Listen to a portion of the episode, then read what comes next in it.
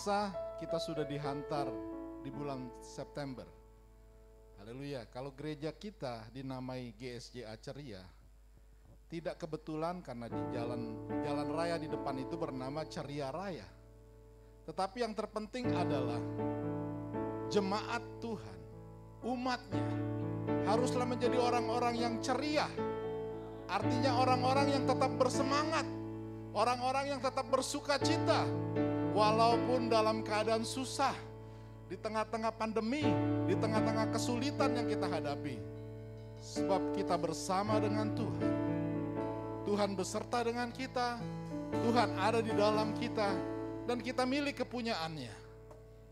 Jadikan Tuhan sumber kekuatanmu. Haleluya.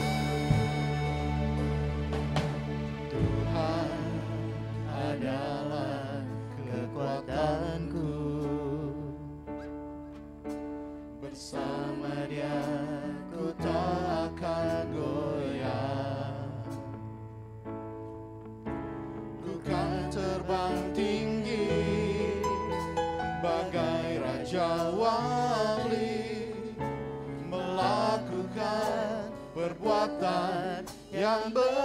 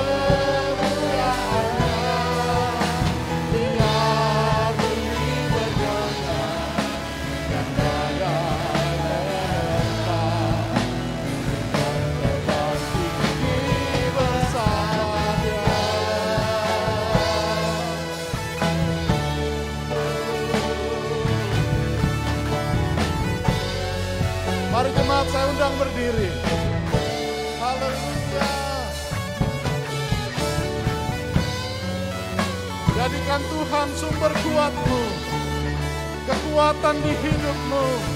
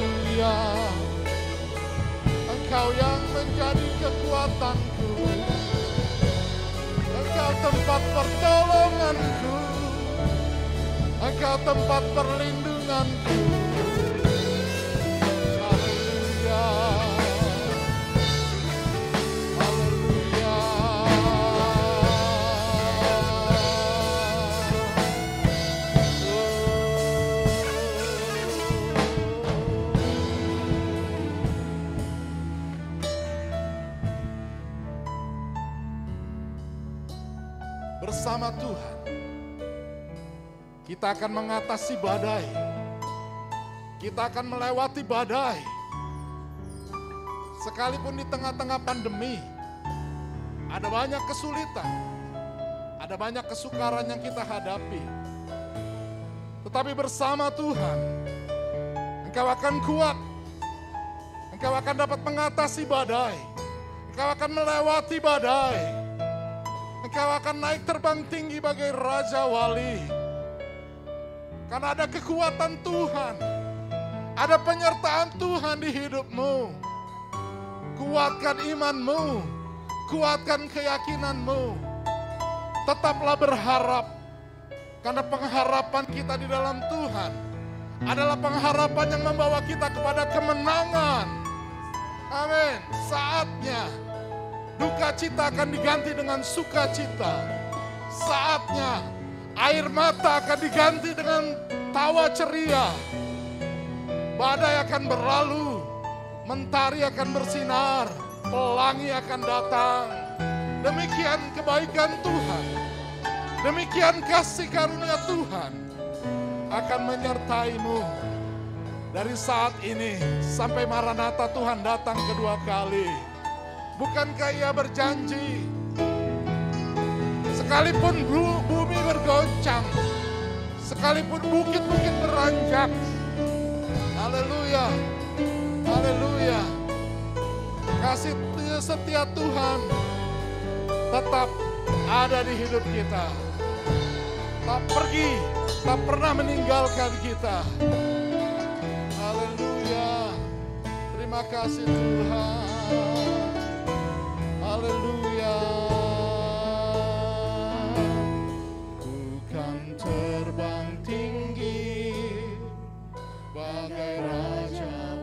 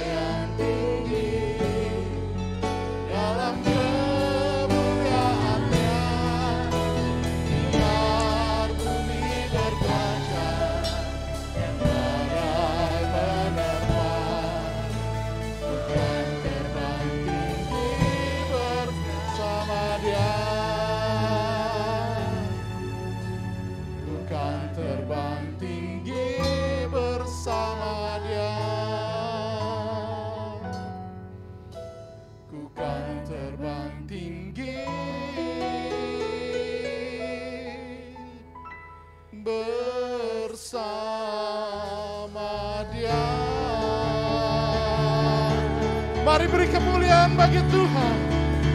Sebab Allah yang kau sembah pagi ini, Allah yang selalu memberkatimu, Allah yang tak pernah meninggalkanmu, Allah yang setia menjagamu, Allah yang peduli, Allah yang memperhatikan hidupmu. Haleluya. Allah yang memegang masa depanmu. Haleluya. Allah yang pegang kendali atas segala yang terjadi. Haleluya. Pagi ini Tuhan sungguh kami bersyukur. Sebab pada kesempatan pertama kali untuk untuk pertama kali lagi kami melakukan ibadah offline. Haleluya. Setelah sekian lama kami tidak ada dalam rumah Tuhan seperti ini. Ini menjadi sukacita. Ini menjadi satu kegirangan yang besar bagi kami, bagi umatmu, untuk bisa datang bersorak, memuji dan menyembah engkau. Bersyukur kepadamu. Kiranya Tuhan, haleluya, engkau memberi kami, haleluya, haleluya, roh yang bergairah, roh yang bersemangat, bahkan di tengah-tengah pandemi, di tengah-tengah keadaan sulit sekalipun, kami percaya roh Tuhan beserta kami memberikan kekuatan yang baru bagi kami.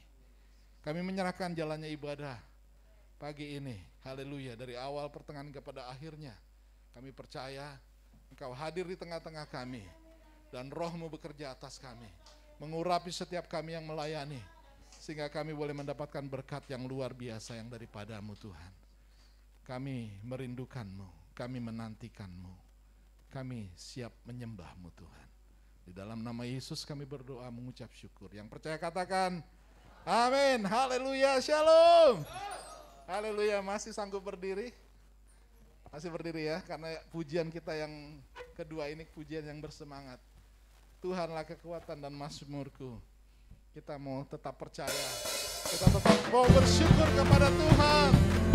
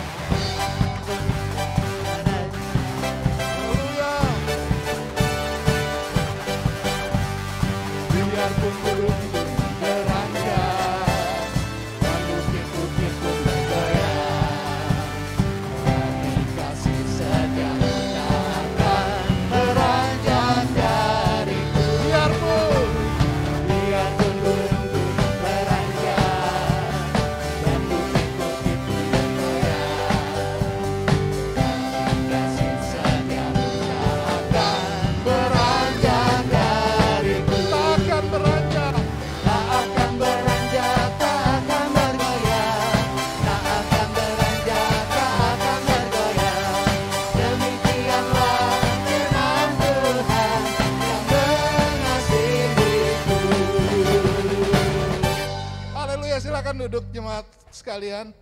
Pagi ini, haleluya. Kalau ada istilah September ceria, haleluya. Kita sudah di bulan September. Jadi kita adalah orang-orang yang ceria karena kita jemaat GSJA ceria. Dari itu apa pun kesulitan hidup, apa pun kesukaran yang kita hadapi di tengah-tengah pandemi saat ini, itu tidak akan haleluya membuat hati kita menjadi eh, hati yang penuh dengan tekanan, stres, bahkan depresi.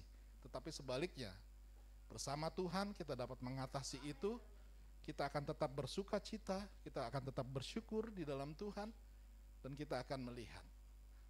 Walaupun gunung-gunung beranjak, bukit-bukit bergoyang. Haleluya. Apa pun yang terjadi di tengah-tengah dunia saat ini, percayalah, kasih setia Tuhan tidak pernah pergi dari kita. Tetap setia menyertai kehidupan kita. Kita ulangi pujian ini dengan lebih baik lagi. Haleluya. Biarpun gunung-gunung beranjak, bukit-bukit bergoyang. Haleluya. Kami akan pegang firman-Mu Tuhan.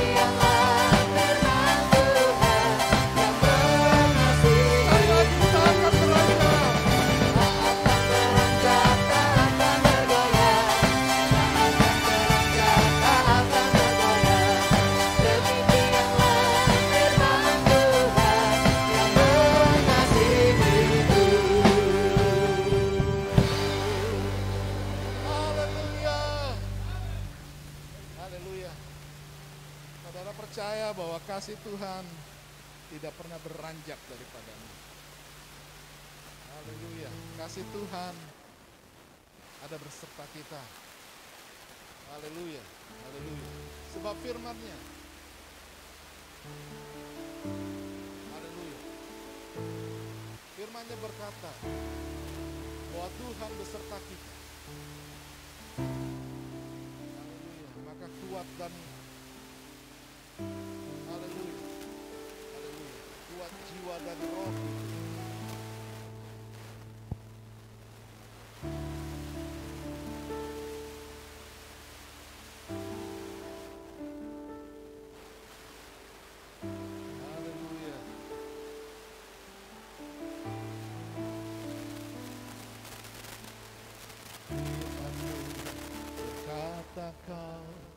so far.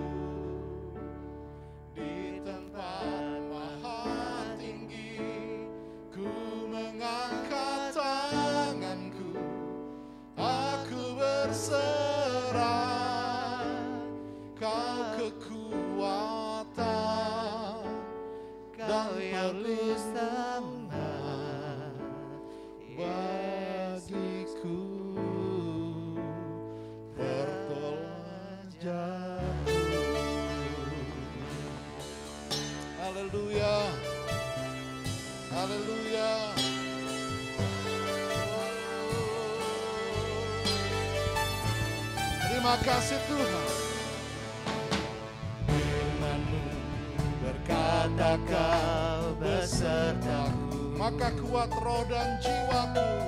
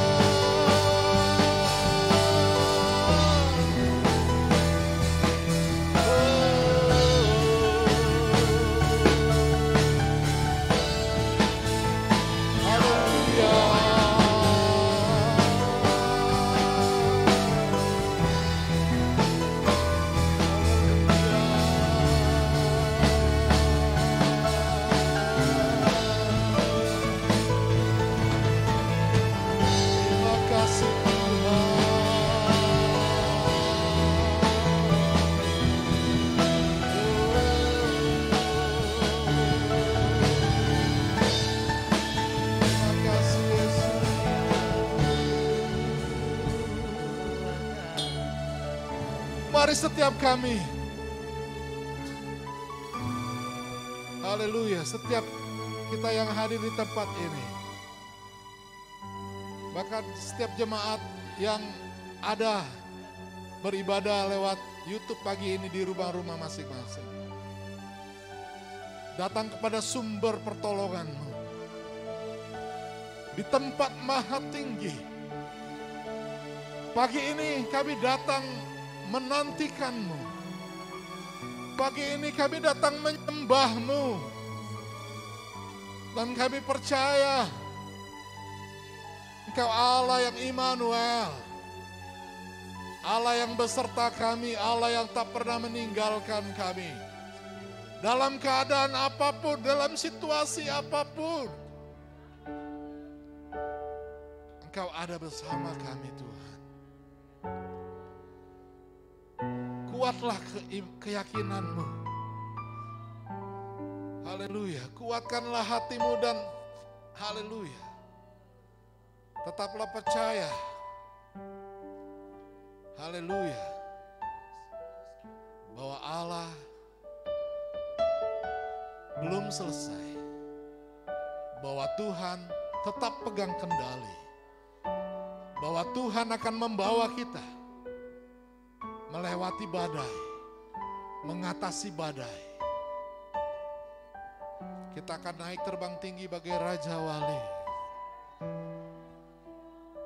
Bersama dengan kekuatan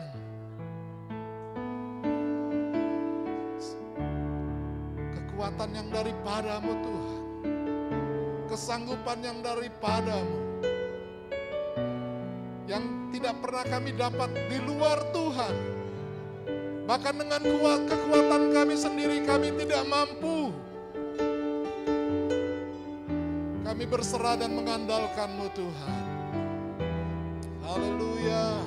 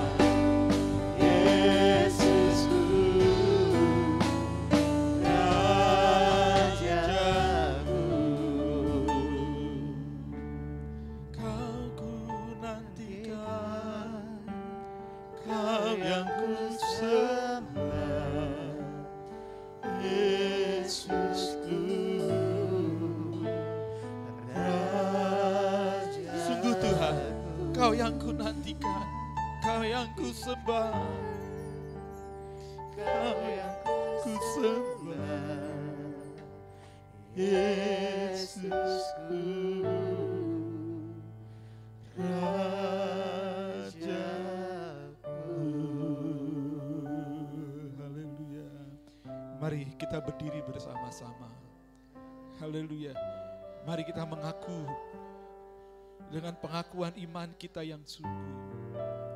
Haleluya. Bahwa kita menanti-nantikan Tuhan. Bahwa kita menyembah Tuhan. Dengan hati yang penuh rindu akan hadirat. Haleluya. Yes. Tuhan. Amin.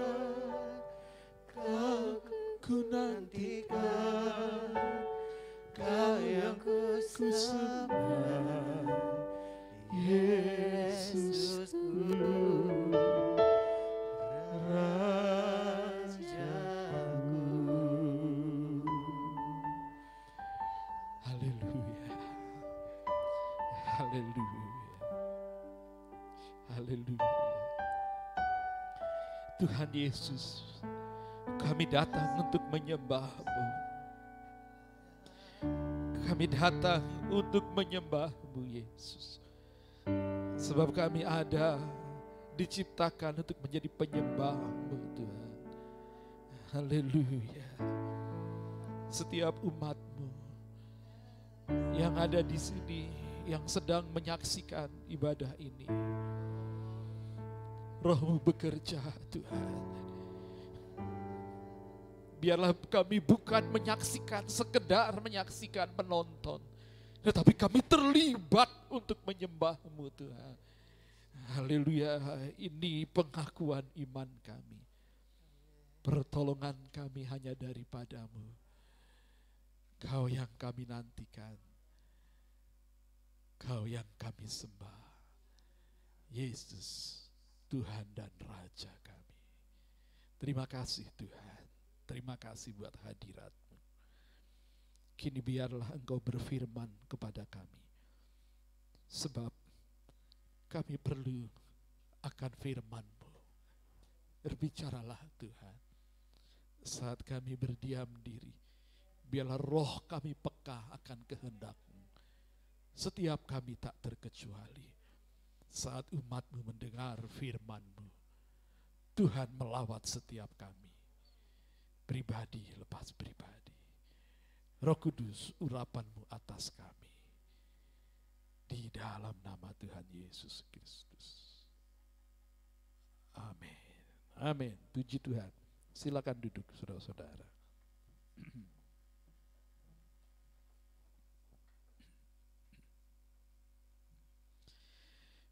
Puji Tuhan. Haleluya. Selamat hari Minggu. Selamat pagi. Shalom. Puji Tuhan. Baik buat saudara-saudara yang menyaksikan ibadah eh, secara online melalui YouTube. Shalom saudara-saudara, Tuhan berkati. Puji Tuhan, puji Tuhan. Baik, pada pagi hari ini di minggu pertama di bulan September yang disebut sebagai bulan ceria. Mari kita bersungguh-sungguh untuk kita menantikan Tuhan. Dan di pagi hari ini, biarlah Tuhan oleh rohnya melawat kita semua tak terkecuali. Haleluya.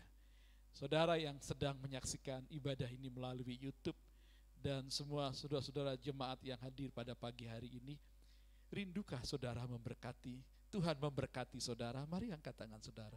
Rindukah saudara Tuhan memberkati saudara? Yes. Puji Tuhan. Haleluya. Hari ini Tuhan sedang memberkati saudara. Haleluya.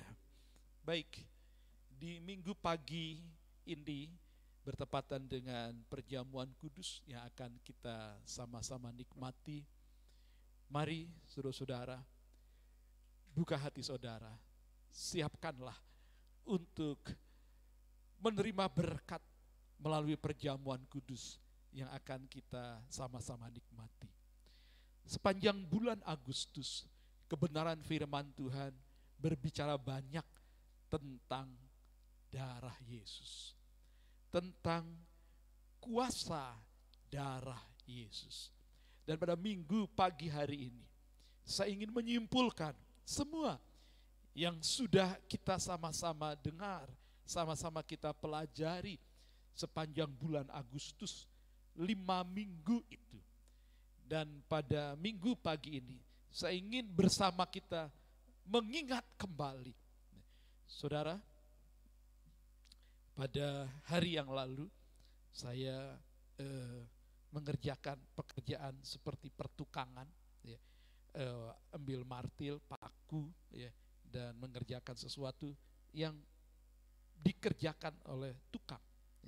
Walaupun saya bukan tukang bangunan. ya. Dan ketika saya menancapkan paku di sebuah eh, kayu, maka saya harus pegang benar paku itu dan saya harus pegang benar juga palu itu.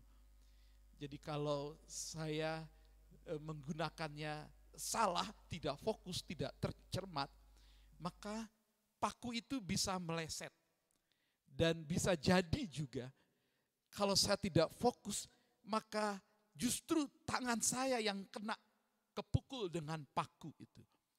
Dan itu e, sangat berbahaya sekali. Itu sebabnya ketika saya mengerjakannya saya harus fokus dan saya harus melakukannya dengan sungguh-sungguh dan rupanya dikerjakan bukan sekali tetapi harus beberapa kali pukulan ya. dengan demikian pula kebenaran firman Tuhan yang disampaikan harus disiapkan dengan sebaik-baiknya. Disampaikan dengan fokus, dengan cermat. Ya. Supaya itu bisa masuk ke dalam hati, menembus. Sampai kemudian genap apa yang dikatakan oleh firman Tuhan. Bahwa firman Tuhan itu sangat tajam, menembus amat dalam. Sanggup memisahkan pertimbangan hati dan pikiran kita. Tapi semua itu harus dikerjakan dengan segenap hati. Dan bahkan karena firman itu adalah pedang roh, maka harus dikerjakan dengan kekuatan roh kudus juga. Dan itu perlu dikerjakan berkali-kali seperti saya sedang menancapkan sebuah paku. Perlu berkali-kali. Dan hari ini untuk sekali lagi firman Tuhan disampaikan. Saudara, dalam pengalaman pribadi secara rohani, ketika kita mendengar firman Tuhan, ya, yang pertama kita dengar suara Tuhan itu berbicara keras. Lalu kemudian ketika kita tidak taat, lama-lama terdengar kurang keras. Ketika kita semakin tidak taat, maka lama-lama itu pun hampir nyaris tak terdengar. Ketika kita dengan sengaja menjadi bebal, maka firman Tuhan kita tidak dengar sama sekali. Berbeda ketika kita berbicara kepada seseorang, memanggil seseorang. Ketika saya panggil Kenny, dia nggak dengar. Maka saya naikkan volume saya. Kenny, ketika dia nggak dengar juga, saya akan naikkan Kenny. Ketika dia makin nggak dengar, saya Kenny.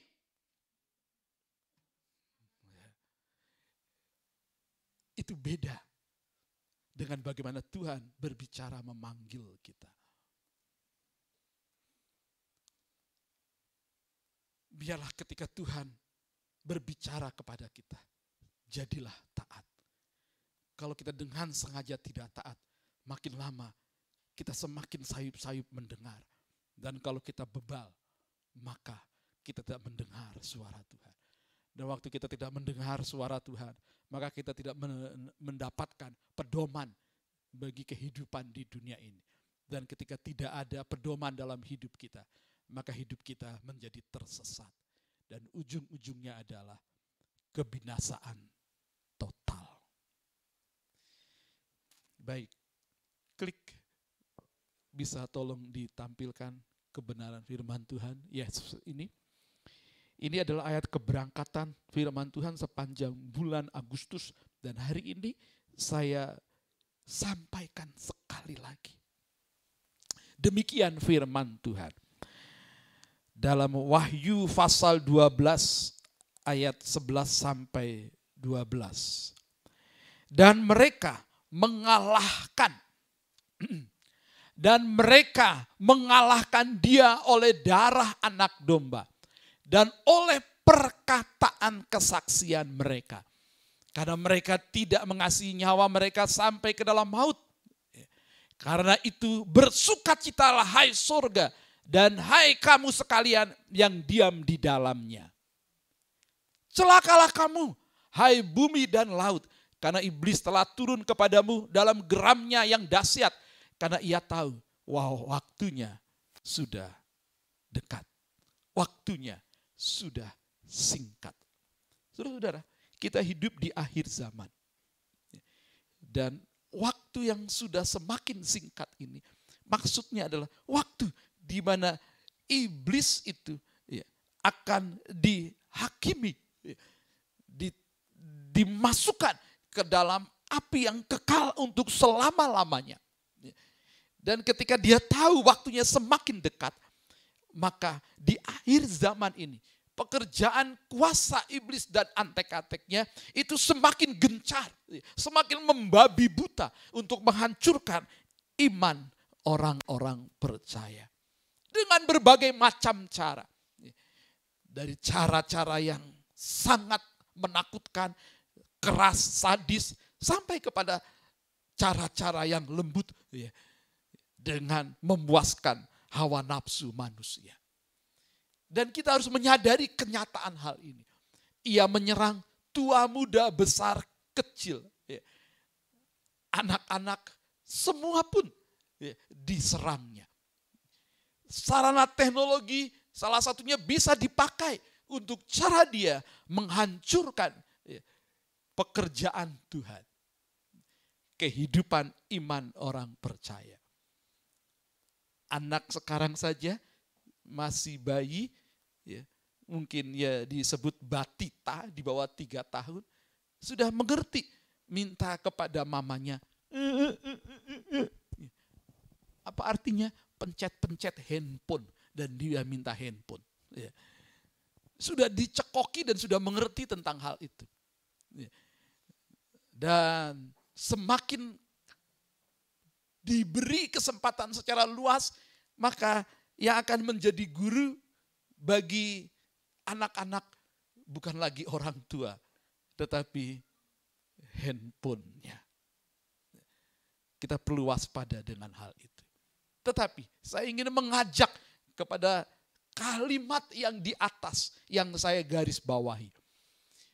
Mereka mengalahkan dia, yaitu setan dan antek-anteknya dan segala tipu muslihat dan pekerjaan sistem kehidupan dunia yang jahat oleh darah anak domba dan oleh perkataan kesaksian mereka. Mereka siapa? Orang-orang yang percaya percaya kepada Tuhan Yesus Kristus, menerima pengorbanan Kristus, percaya kepada kuasa darah Yesus. Iblis dikalahkan, kuasanya dihancurkan oleh kuat kuasa darah Yesus. Kita perlu mengerti, mendalami, mengulangi lagi kebenaran-kebenaran firman Tuhan yang bicara banyak tentang darah Yesus. Dan kita perlu memperkatakan perkataan kesaksian kita tentang darah Yesus. Orang-orang zaman dulu ya, itu suka mengucapkan darah Yesus. Darah Yesus. Ya. Generasi di atas saya, generasi tua itu suka dalam eh, kehidupan sehari-hari pun kalau ada sesuatu yang mengancam, menggelisahkan, ya, ia lalu berkata, darah Yesus. Sehingga lagu soundtrack kita pun ya, bicara tentang darah Yesus. Dan kita tahu bahwa lagu pertama dari Kidung-Kidung Kesukaan. Buku Kidung Kesukaan Gereja Sidang Jemaat Allah. Itu adalah darah anak domba. Ada kuasa dalam darah anak domba. Saudara-saudara, sebelum saya lanjut. Ketika ya kita tahu, saudara mungkin saudara ingat apa yang saya pernah saksikan beberapa waktu yang lalu. Ya. Seorang ibu tiba-tiba berkata kepada istri saya, karena dia melihat selalu kalau ada peristiwa yang membahayakan, ya. ada peristiwa yang mengancam keluarga, anak atau siapa saja, mendengar berita apa saja. Istri saya selalu berkata darah Yesus. Dan ibu ini yang belum percaya Yesus memperhatikan itu. Lalu kemudian dia berkata, kenapa ya kalau panggilnya dia Mama Gada. Mama Gada bicara darah Yesus. Sesuatu yang membahayakan yang mengkhawatirkan, ya, yang mengancam, yang akan terjadi, tiba-tiba tidak terjadi. Ya. Jadi dia melihat sendiri dalam keseharian, dia menyimpulkan itu kemudian. Ya. Oh, kalau disebut, kalau Mama Gada katakan darah Yesus, maka sesuatu yang mengancam itu kemudian tidak terjadi. Dan ini berdampak kemudian ya saudara, suaminya ya, beberapa waktu berikutnya datang di pagi hari menjumpai saya. Suaminya ya beberapa kesempatan berikutnya datang kira-kira jam sepuluhan jam sembilan sepuluh begitu pagi hari datang kepada saya saya kaget juga ada apa ini tidak biasanya bapak ini ya, datang lalu dia mengajak bicara, lalu bicara di samping, di lorong ini. Dan dia bicara begini. Panggilnya Om Aris, Om Aris. Tolong doakan saya. Wah, doakan. Ini orang bukan Kristen loh. Ya, doakan. Iya, iya, iya siap. Saya doain. Lalu dia katakan, doakan saya. Saya mau bertobat. Saya mau terima Yesus sebagai Tuhan dan Juru Selamat. Wow. Lalu saya tanyalah sedikit alasannya apa dan ketika dia cerita begitu, wow, oke, saya berdoa buat dia, doa pertobatan ya, dari cara hidupnya yang lama, lalu kemudian berdoa untuk terima Yesus. Dan dia bertobat, terima Yesus. Sayang sekali, istrinya sampai meninggal masih berkeras tidak terima Yesus.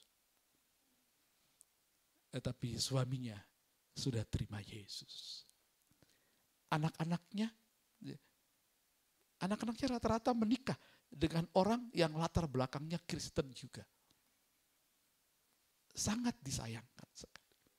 Ya. Saudara-saudara, darah Yesus berkuasa. Belum sempat menceritakan, ya.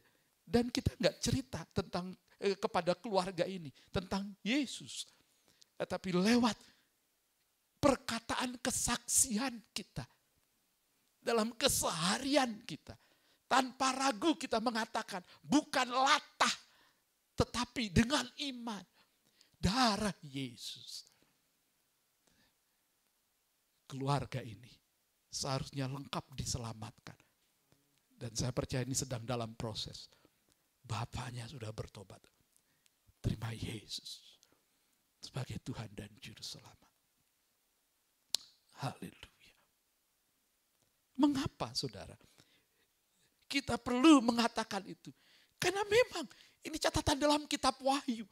Setan iblis hanya dapat dikatakan, dikalahkan oleh kuasa darah Yesus. Yang kita berkatakan. Kesaksian perkataan kita. Akan kuasa darah Yesus. Saya akan ulangi. Mengapa? Karena darah Yesus itu adalah meterai kasih Allah. Allah mengasihi saya, Allah mengasihi saudara. Dan darah Yesus itu meterai. Meterai itu tanda kepemilikan. Meterai itu tanda sah, legal. Ya. Kalau kita percaya kepada korban Kristus, kuasa darah Yesus mengalir dalam hidup kita, maka kita sah milik Yesus. Bukan milik setan. Dan setan tidak bisa lagi merebut kita. Dan kasih Allah yang mengalir dalam kita.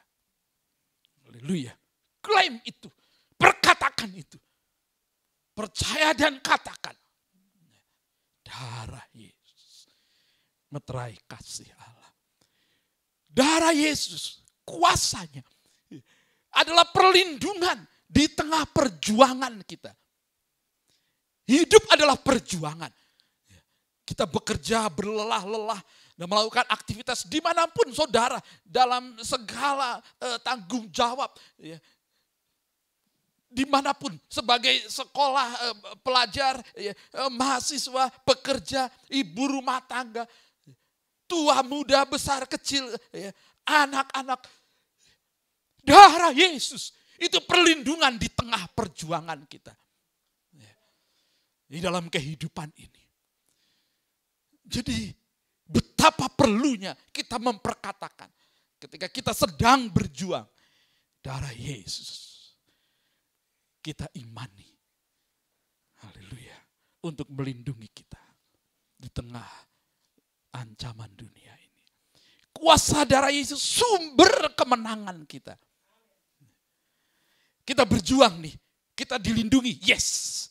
Tetapi darah Yesus bukan hanya melindungi kita, tetapi membawa kita kepada kemenangan. Dia bukan hanya melindungi, lindungi begitu. Tetapi kita dibawa kepada kemenangan. Artinya setan dikalahkan.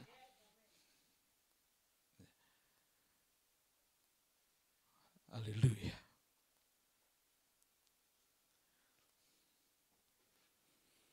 Ketika saya memperkatakan ini, ya, dan sepanjang Agustus, sepanjang bulan Agustus membicarakan ini, saudara-saudara, itu pergumulan buat saya juga di dalam bulan-bulan sebelumnya dan dalam bulan itu juga. Selalu selesai khotbah, waktu itu bulan Agustus kita masih online ya eh, belum live streaming seperti ini dan semua saudara-saudara ikuti dalam ibadah itu rekaman di minggu di malam minggu Sabtu malam minggu selesai eh, rekaman wow sebelum atau sesudah itu ada sesuatu yang bergolak di sini ya. saya tahan saya tidak saya tidak cerita kepada orang lain eh, juga ter, kepada istri hanya terlihat saja berapa kali saya katakan, ya, wah ini berat. Eh, dari minggu pertama ini berat, ini mengganggu, ini ada serangan dalam diri ini. Karena itu adalah deklarasi untuk menghancurkan kuasa jahat. Ketika saya menyampaikannya, harus menyampaikannya dalam perlindungan kuasa darah Yesus juga. Dan dengan kekuatan roh. Seperti yang dalam pembukaan saya tadi mengatakan. Ini adalah pedang roh. Jadi menggunakan ini harus dengan bukan di pikiran saja. Tapi penyerahan sepenuh kepada roh kudus. Selesai rekaman, selesai itu. Sudah di sini sudah tergambar karena sudah begitu menguat, apa, mempengaruhi. Jadi minggu depan tentang catatan khotbahnya untuk minggu depan itu sudah sudah mengganggu di sini. Dan itu uh, cukup menggelisahkan. Dan saya tidak cerita sama istri, eh, cerita uh, pernah cerita tapi tidak dalam dan doakan, doakan. Haleluya. Tetapi selesai juga bulan Agustus. Bulan kemenangan oleh darah Yesus. Dan di awal September ini saya deklarasikan lagi. Kuasa darah Yesus yang menyelamatkan. Selamat. Kata menyelamatkan ini bukan saja selama kita hidup di dunia. Tetapi sampai kita juga masuk di dalam kekekalan bersama Bapa di surga. Haleluya. Haleluya. Kuasa darah Yesus ini yang terakhir yang menghakimi, yang bersaksi ya, bagi kita ya, di hadapan Allah. Dan juga yang bersaksi menghancurkan kuasa-kuasa jahat bagi kita. Dan minggu lalu saya menyampaikan ini dan saya ingin bersama kita lihat hal ini. Ya, tujuh titik darah Yesus tercurah. Yang pertama, adalah peluh darah Yesus di Taman Getsemani. Peluh melambangkan kelelahan karena beban, karena ancaman, karena ketakutan, kengerian akan hal yang akan terjadi di dalam hidup ke depan. Ya. Yesus telah membayarnya. Itu darah yang pertama tercurah di Taman Getsemani. Jika saudara merasa gelisah, cemas, tidak nyaman, khawatir tentang hari-hari ke depan ini. Yesus telah membayarnya. Percaya kepada kuasa darahnya. Kelegaan akan kita peroleh.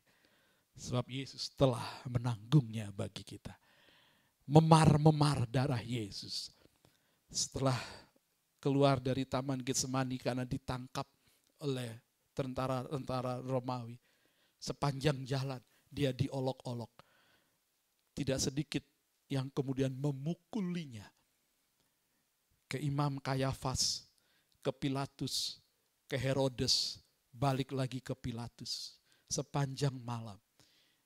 Ia diarak masa dan tidak sedikit ia menerima pukulan-pukulan. Orang yang dipukul itu terjadi memar-memar di tubuhnya. Mungkin dijorokin, dipukul, ditendang segala macam. Dan darah yang tidak keluar itu memar. Ya, biru-biru begitu ya, merah mungkin bengep, ya, bengkak dan lain-lain. Itu memar-memar.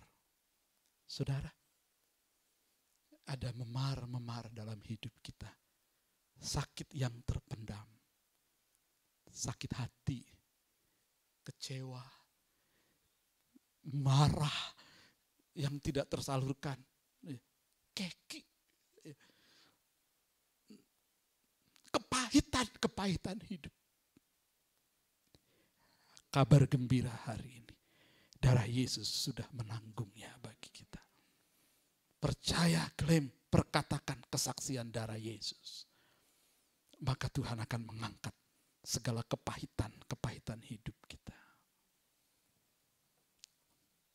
Bilur-bilur darah Yesus.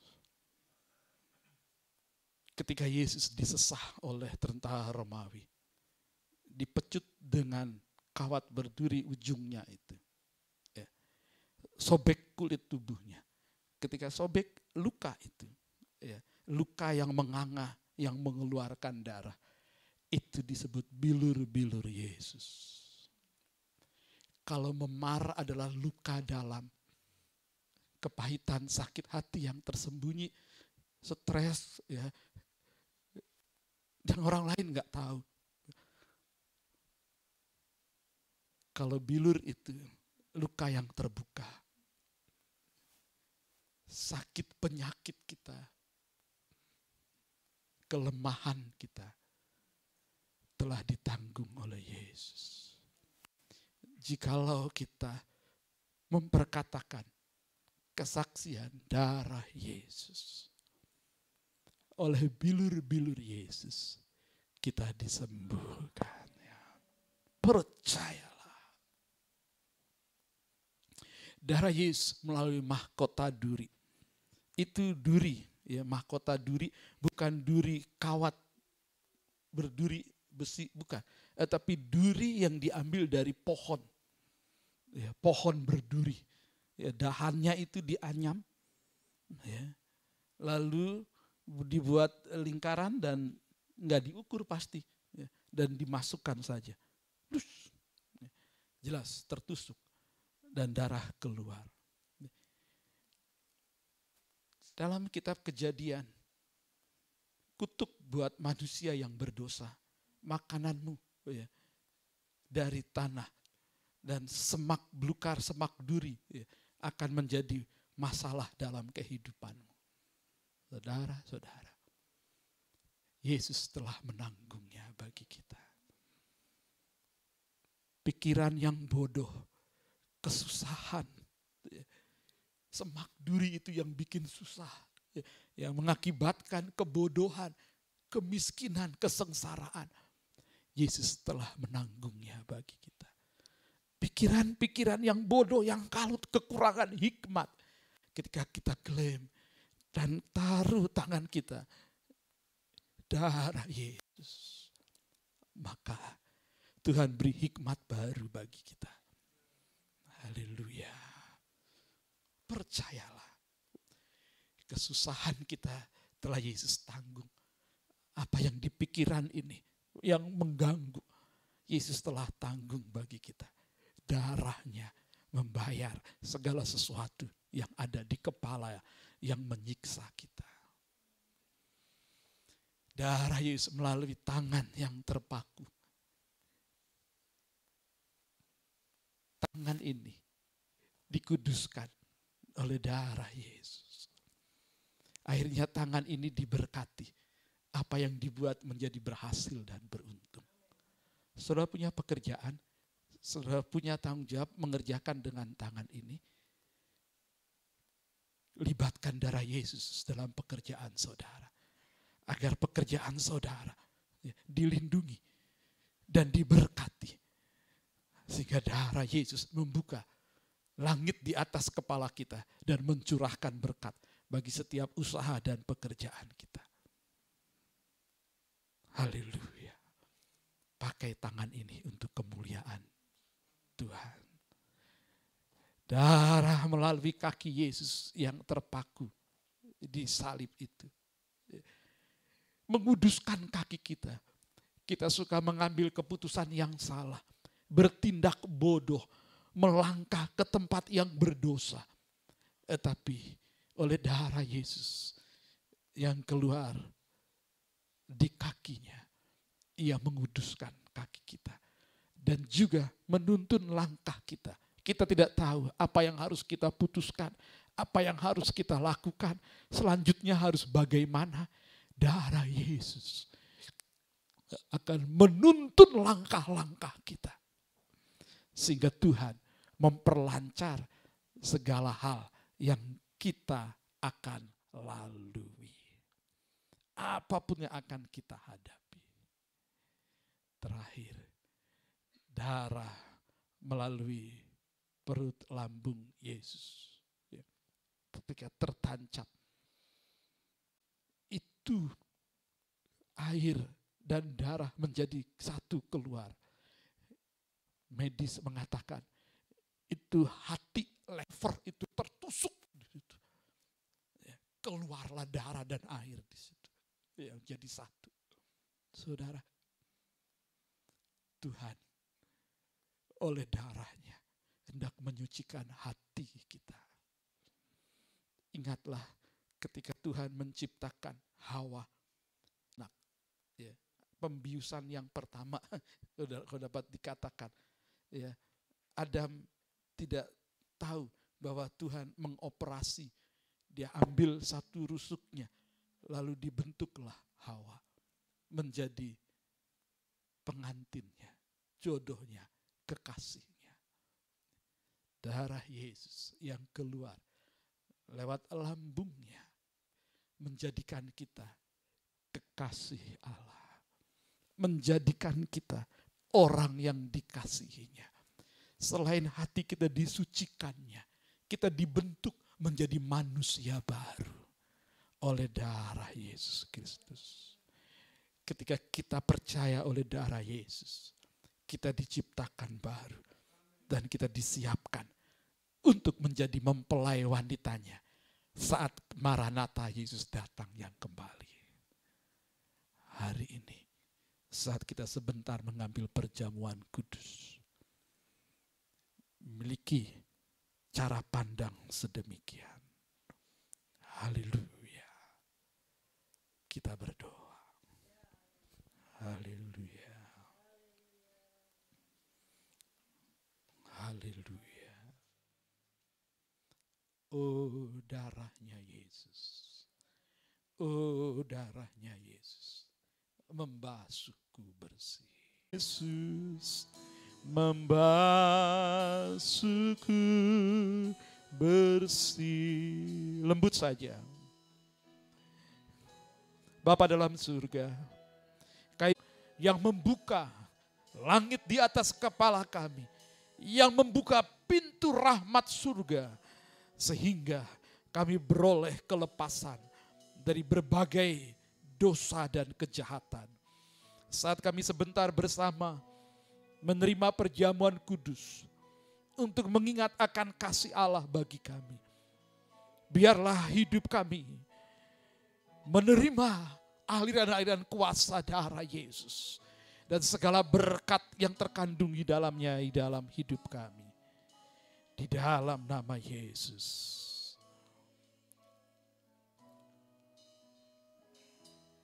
Haleluya.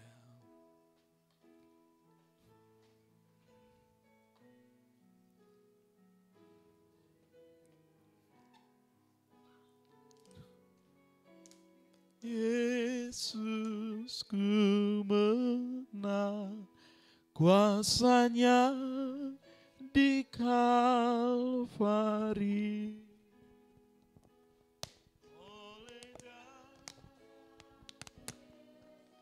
Yesusku bebas dan hidupku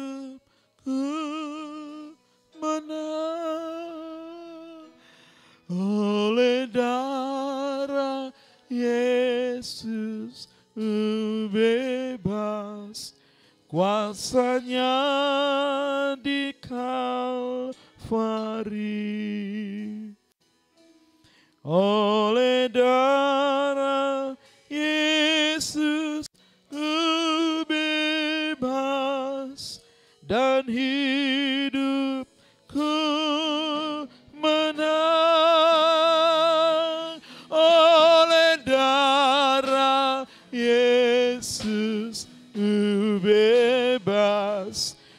kuasanya di Kalvari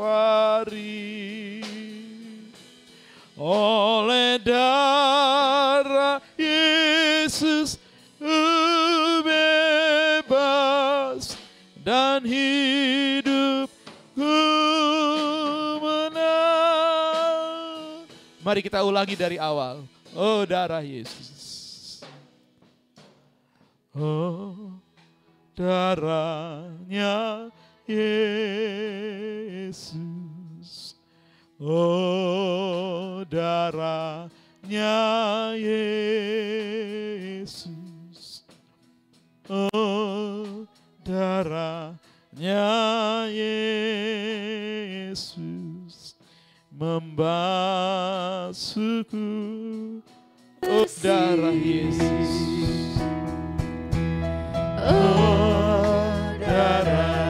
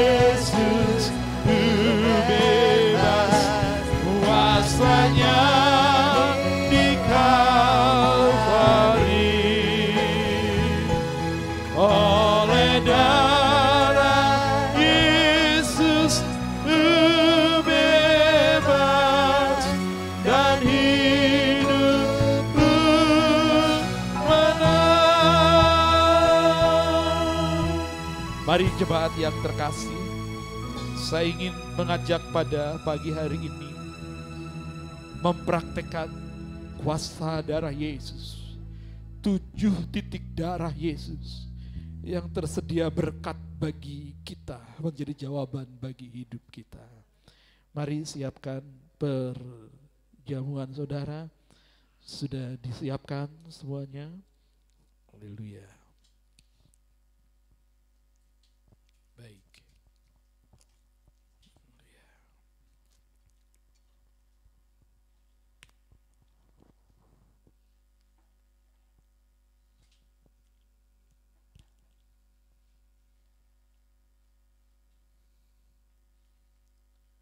Baik, jika sudah, mari kita semua pemusik, kita berdiri bersama-sama, kita menghadap Tuhan. Haleluya.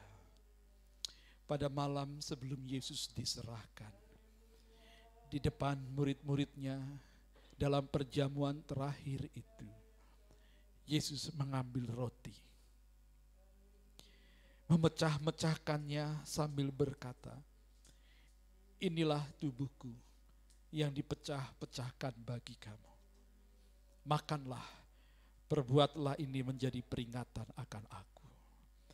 Mari kekasih-kekasih Kristus, kita akan makan penuh dengan ucapan syukur.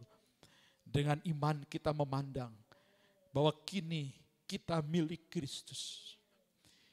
Kita anggota tubuhnya dan Kristus adalah kepala. Kita di dalam Kristus dan Kristus di dalam kita. Kita menjadi satu di dalamnya.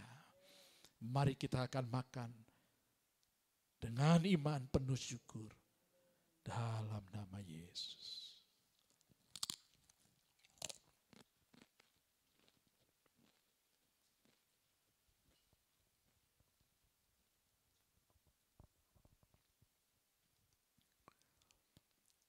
Baik, berikutnya Yesus mengambil cawan sesudah makan.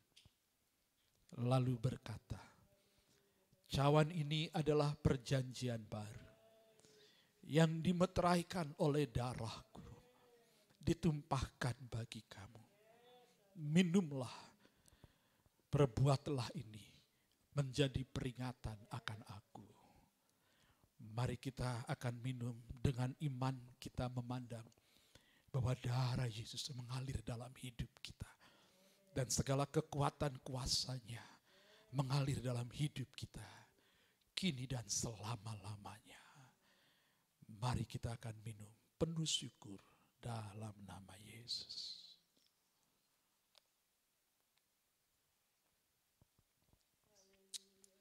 Haleluya. Katakan haleluya. Amin. Amin. Saudara-saudara, yang pertama, berkat oleh darah Yesus yang tertumpah di Taman Getsemani. Mari, jika saudara sedang mengalami pergumulan, suatu perasaan yang mencekam, ketakutan, kekhawatiran yang menggelisahkan. Hari ini, pagi ini kita mau percaya, memperkatakan darah Yesus mengalir dalam hidup saya. Mengenyahkan segala kegelisahan, kekhawatiran, kecemasan, pergumulan, beban yang berat. Saudara yang di rumah yang menyaksikannya, berkat itu juga bagi saudara. Haleluya, taruh kedua tangan saudara seperti ini kepada tubuh ini. Yes, disilangkan. Yes, amin. Dan mari kita mau perkatakan darah Yesus. Bapa dalam surga, sekarang kami terima kuasa darah Yesus yang mengalir di Taman Getsemani itu. Seperti Yesus memperoleh kelegaan dan penghiburan. Ia memperoleh kemenangan justru ketika di Taman Getsemani ketika ia berdoa. Kini mengalir kuasa darah Yesus yang tertumpah di Taman Getsemani membasuh kami, menghadirkan damai sejahtera. Segala kegelisahan, segala beban berat yang terasa menyiksa, kini hilang, digantikan oleh sentosa, kelegaan, damai sejahtera oleh darah Yesus Kristus. Yes, terjadilah dalam nama Yesus, oleh darah Yesus, kegelisahan lenyap. Yes, yes, kecemasan, kekhawatiran. Oleh damai sejahtera mengalir dalam kami. Karena darah Yesus. Terima kasih. Berikut yang kedua. Darah pada memar-mar tubuh Yesus. Saudara ada luka dalam. Kepahitan. Kekecewaan. Dendam, benci. Sakit hati. Selesaikan oleh kuasa darah Yesus. Perkatakan kuasa darah Yesus menghancurkan segala kepahitan hidup. Pengalaman-pengalaman buruk masa lalu dan apa pun itu. Mari klaim kuasa darah Yesus mengalir dalam hidup kita. Mari angkat tangan saudara. Bapak dalam surga, engkau melihat tangan-tangan yang terangkat. Yang menyaksikan ibadah ini dan yang ada di sini. Sekarang oleh darah Yesus. Segala sakit hati, kepahitan, kenangan buruk. Dan segala hal yang tersimpan di dalam yang ada kejahatan. Tuhan oleh kuasa darah Yesus saja. Semua dilenyapkan. Semua tercabut di dalam nama Yesus. Oleh darah Yesus Kristus. Kami sudah dibebaskan dari segala luka-luka dalam. Darah Yesus Kristus membebaskan. Yang ketiga, kuasa oleh bilur-bilur darah Yesus. Oleh bilur-bilurnya kita disembuhkan. Mari taruh tangan saudara di tempat di mana saudara rasa sakit. Bagian tubuh yang sakit, yang tidak normal. Ataupun saudara yang menyaksikan juga sedang diserang terpapar virus COVID-19. Mari angkat tanganmu dan mari bersama kita imani kuasa darah Yesus mengalir. Yes, Bapa dalam surga, hari ini Tuhan, saat umatmu percaya dan memperkatakan kesaksian oleh darah Yesus, maka setiap sakit penyakit dilenyapkan oleh bilur-bilur Yesus, umatmu disembuhkan. Haleluya, virus, kuman, sakit penyakit apa pun dilenyapkan oleh kuasa bilur-bilur Yesus. Jadilah sembuh Yes, di seluruh sekujur tubuh Tuhan. Segala sakit penyakit dilenyapkan oleh darah Yesus Kristus. Haleluya. Darah yang mengalir di kepala Yesus. Saudara merasa susah. Saudara merasa bodoh. Saudara begitu banyak pikiran yang menyusahkan. Saudara seperti habis akal. Mari angkat tangan saudara taruh di kepala saudara. Biar segala pikiran yang bodoh, yang sia-sia. Pikiran-pikiran yang jahat. Yang mempengaruhi sehingga saudara tidak fokus menjadi malas untuk berjuang. Mari taruh tangan saudara dalam kepala itu. Yes, di di atas kepala itu. Yes. Haleluya dan pandang kuasa darah Yesus yang mengalir melalui uh, mahkota duri itu. Yes. Oh Tuhan, Engkau lihat umatmu. Dengan iman Tuhan, kami percaya. Oh darah yang mengalir di kepala Yesus. Darah mengalir yang sama di dalam membasuh kepala kami, pikiran kami. Dikuduskan oleh darah Yesus pikiran yang bodoh, yang sia-sia, yang jahat, yang najis dihancurkan oleh kuasa darah Yesus. Hikmatmu mengalir dalam pikiran Tuhan. Segala kesusahan, kemiskinan, dan segala hal yang mendatangkan kesengsaraan dilenyapkan dari pikiran kami. Pikiran kami, semua yang benar, semua yang baik, semua yang mulia, semua yang manis, semua yang suci, semua yang sedap didengar dan patut dipuji itu yang memenuhi pikiran kami. Terjadilah oleh darah Yesus Kristus.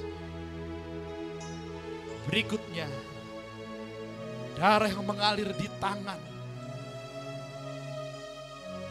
Mari bawa tangan saudara, keduanya, kehadirat Allah. Mohon kekudusan oleh darah Yesus. Agar tangan ini dikuduskan, diberkati sehingga apa yang kita buat menjadi berhasil dan beruntung dan memberkati banyak orang. Kita dimampukan untuk berbuat baik agar Tuhan dipermuliakan. Mari angkat tangan saudara. Yes, Tuhan, kami menyerahkan tangan kami kepadamu. Mohon kekudusan oleh darah Yesus. Tuhan kuduskan tangan kami. Biarlah tangan ini dipakai hanya untuk melakukan yang benar Haleluya, melakukan hal-hal yang baik yang Tuhan siapkan untuk kami lakukan. Dan berkatilah tangan ini menjadi cermat, Ya, haleluya. Tangan ini menjadi berbakat. Tangan ini penuh karunia. Dan lewat tangan ini menjadi apa yang kami buat berhasil dan beruntung. Darah Yesus mengalir. Oleh darah Yesus, kami mampu melakukan hal yang baik dan memberkati lain orang. Ini tangan kami Tuhan. Dengan tangan ini kami memuliakanmu. Darah Yesus Kristus. Berikutnya darah yang mengalir di kaki Yesus. Mari saudara mohon ampun. Kalau kita melakukan melangkah yang salah.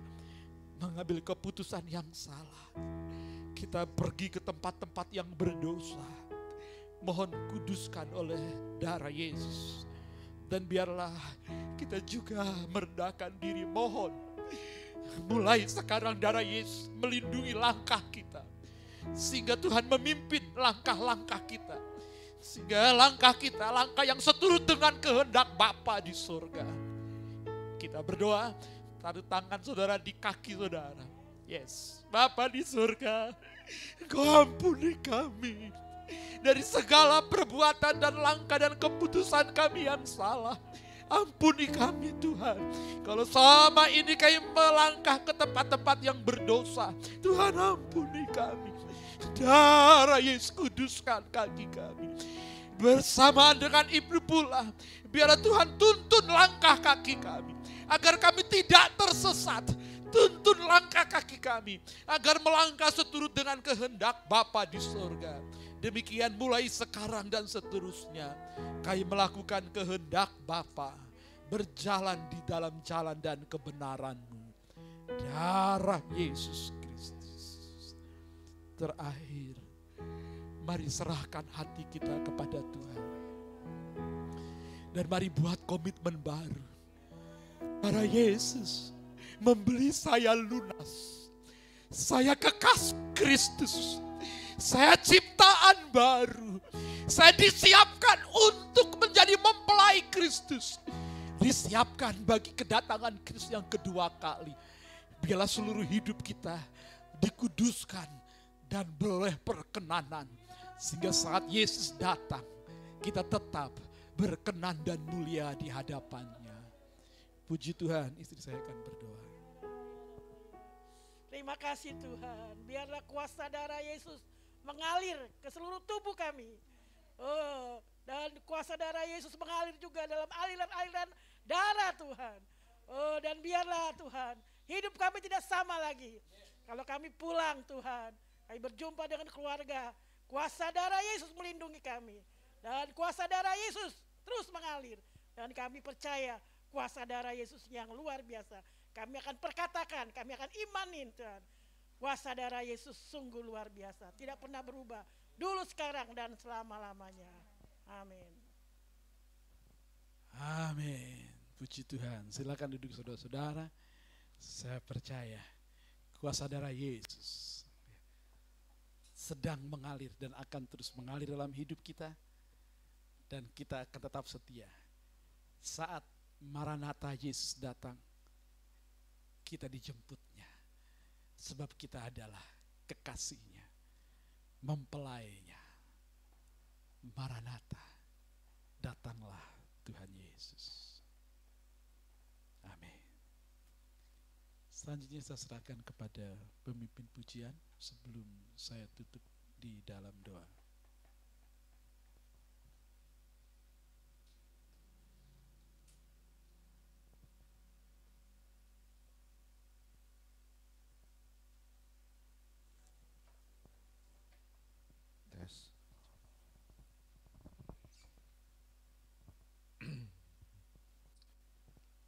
Baik, haleluya. Semua kita telah diberkati ibadah perdana. Setelah sekian lama kita tidak beribadah lewat uh, ibadah live streaming offline seperti ini dan ini ibadah perdana kita kembali dan saya percaya biarlah di minggu yang akan datang kita bisa bergantian yang hari ini sudah hadir karena kita masih masih dibatasi dengan 50% ya. Sedangkan kita susun kursi ini maksimal 40 40 untuk 40 jemaat. Jadi yang minggu ini sudah hadir kemungkinan bisa bergiliran dengan jemaat lain yang yang tidak belum belum hadir jadi bisa bergantian sehingga kita bisa menikmati ibadah offline semua jemaat bisa menikmati ibadah offline haleluya saya serahkan ke Pak Aris untuk tutup doa Mari kita berdiri bersama-sama. Saya suka lagu yang tadi dengan lembutnya. Oh darah Yesus. Oh ku bebas. Well bisa tolong. Oh, ku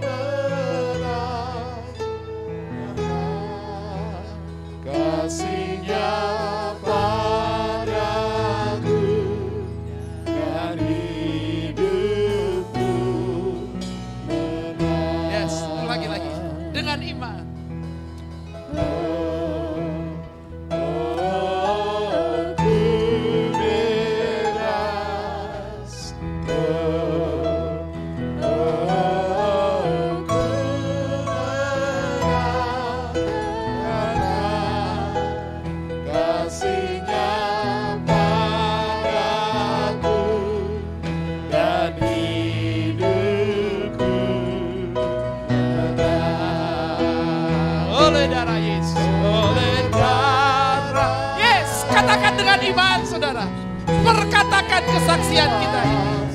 Kuasanya di Kalvari oleh darah Yesus bebas dan hidupku Ulangi terakhir kali oleh darah Yesus.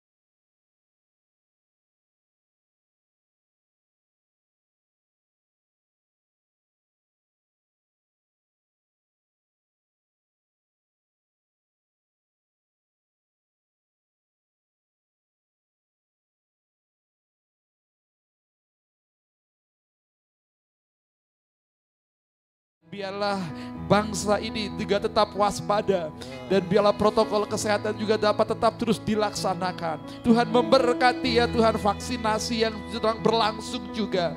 Biarlah semua berjalan baik dan lancar. Indonesia sembuh, Indonesia pulih dalam nama Yesus Kristus.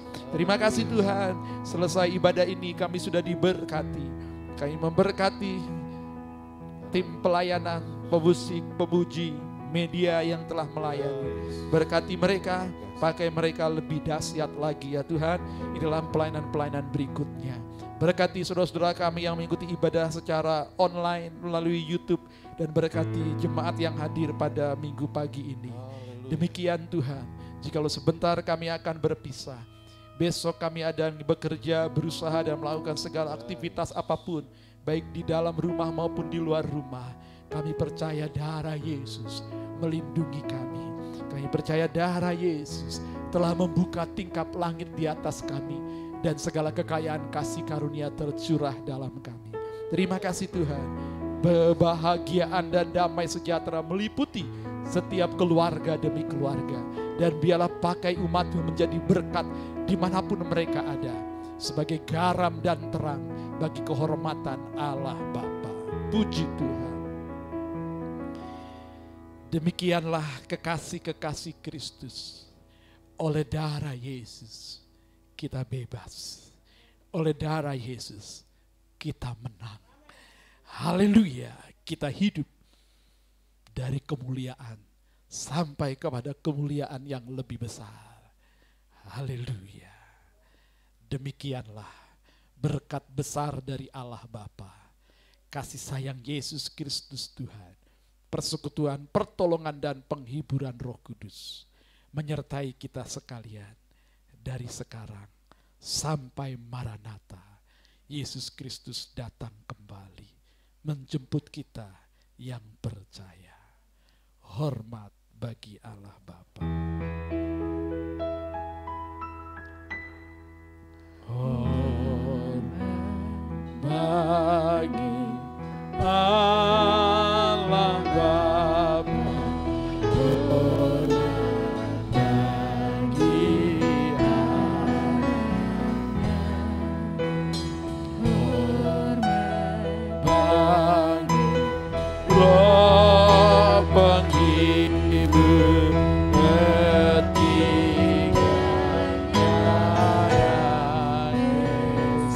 Yesus.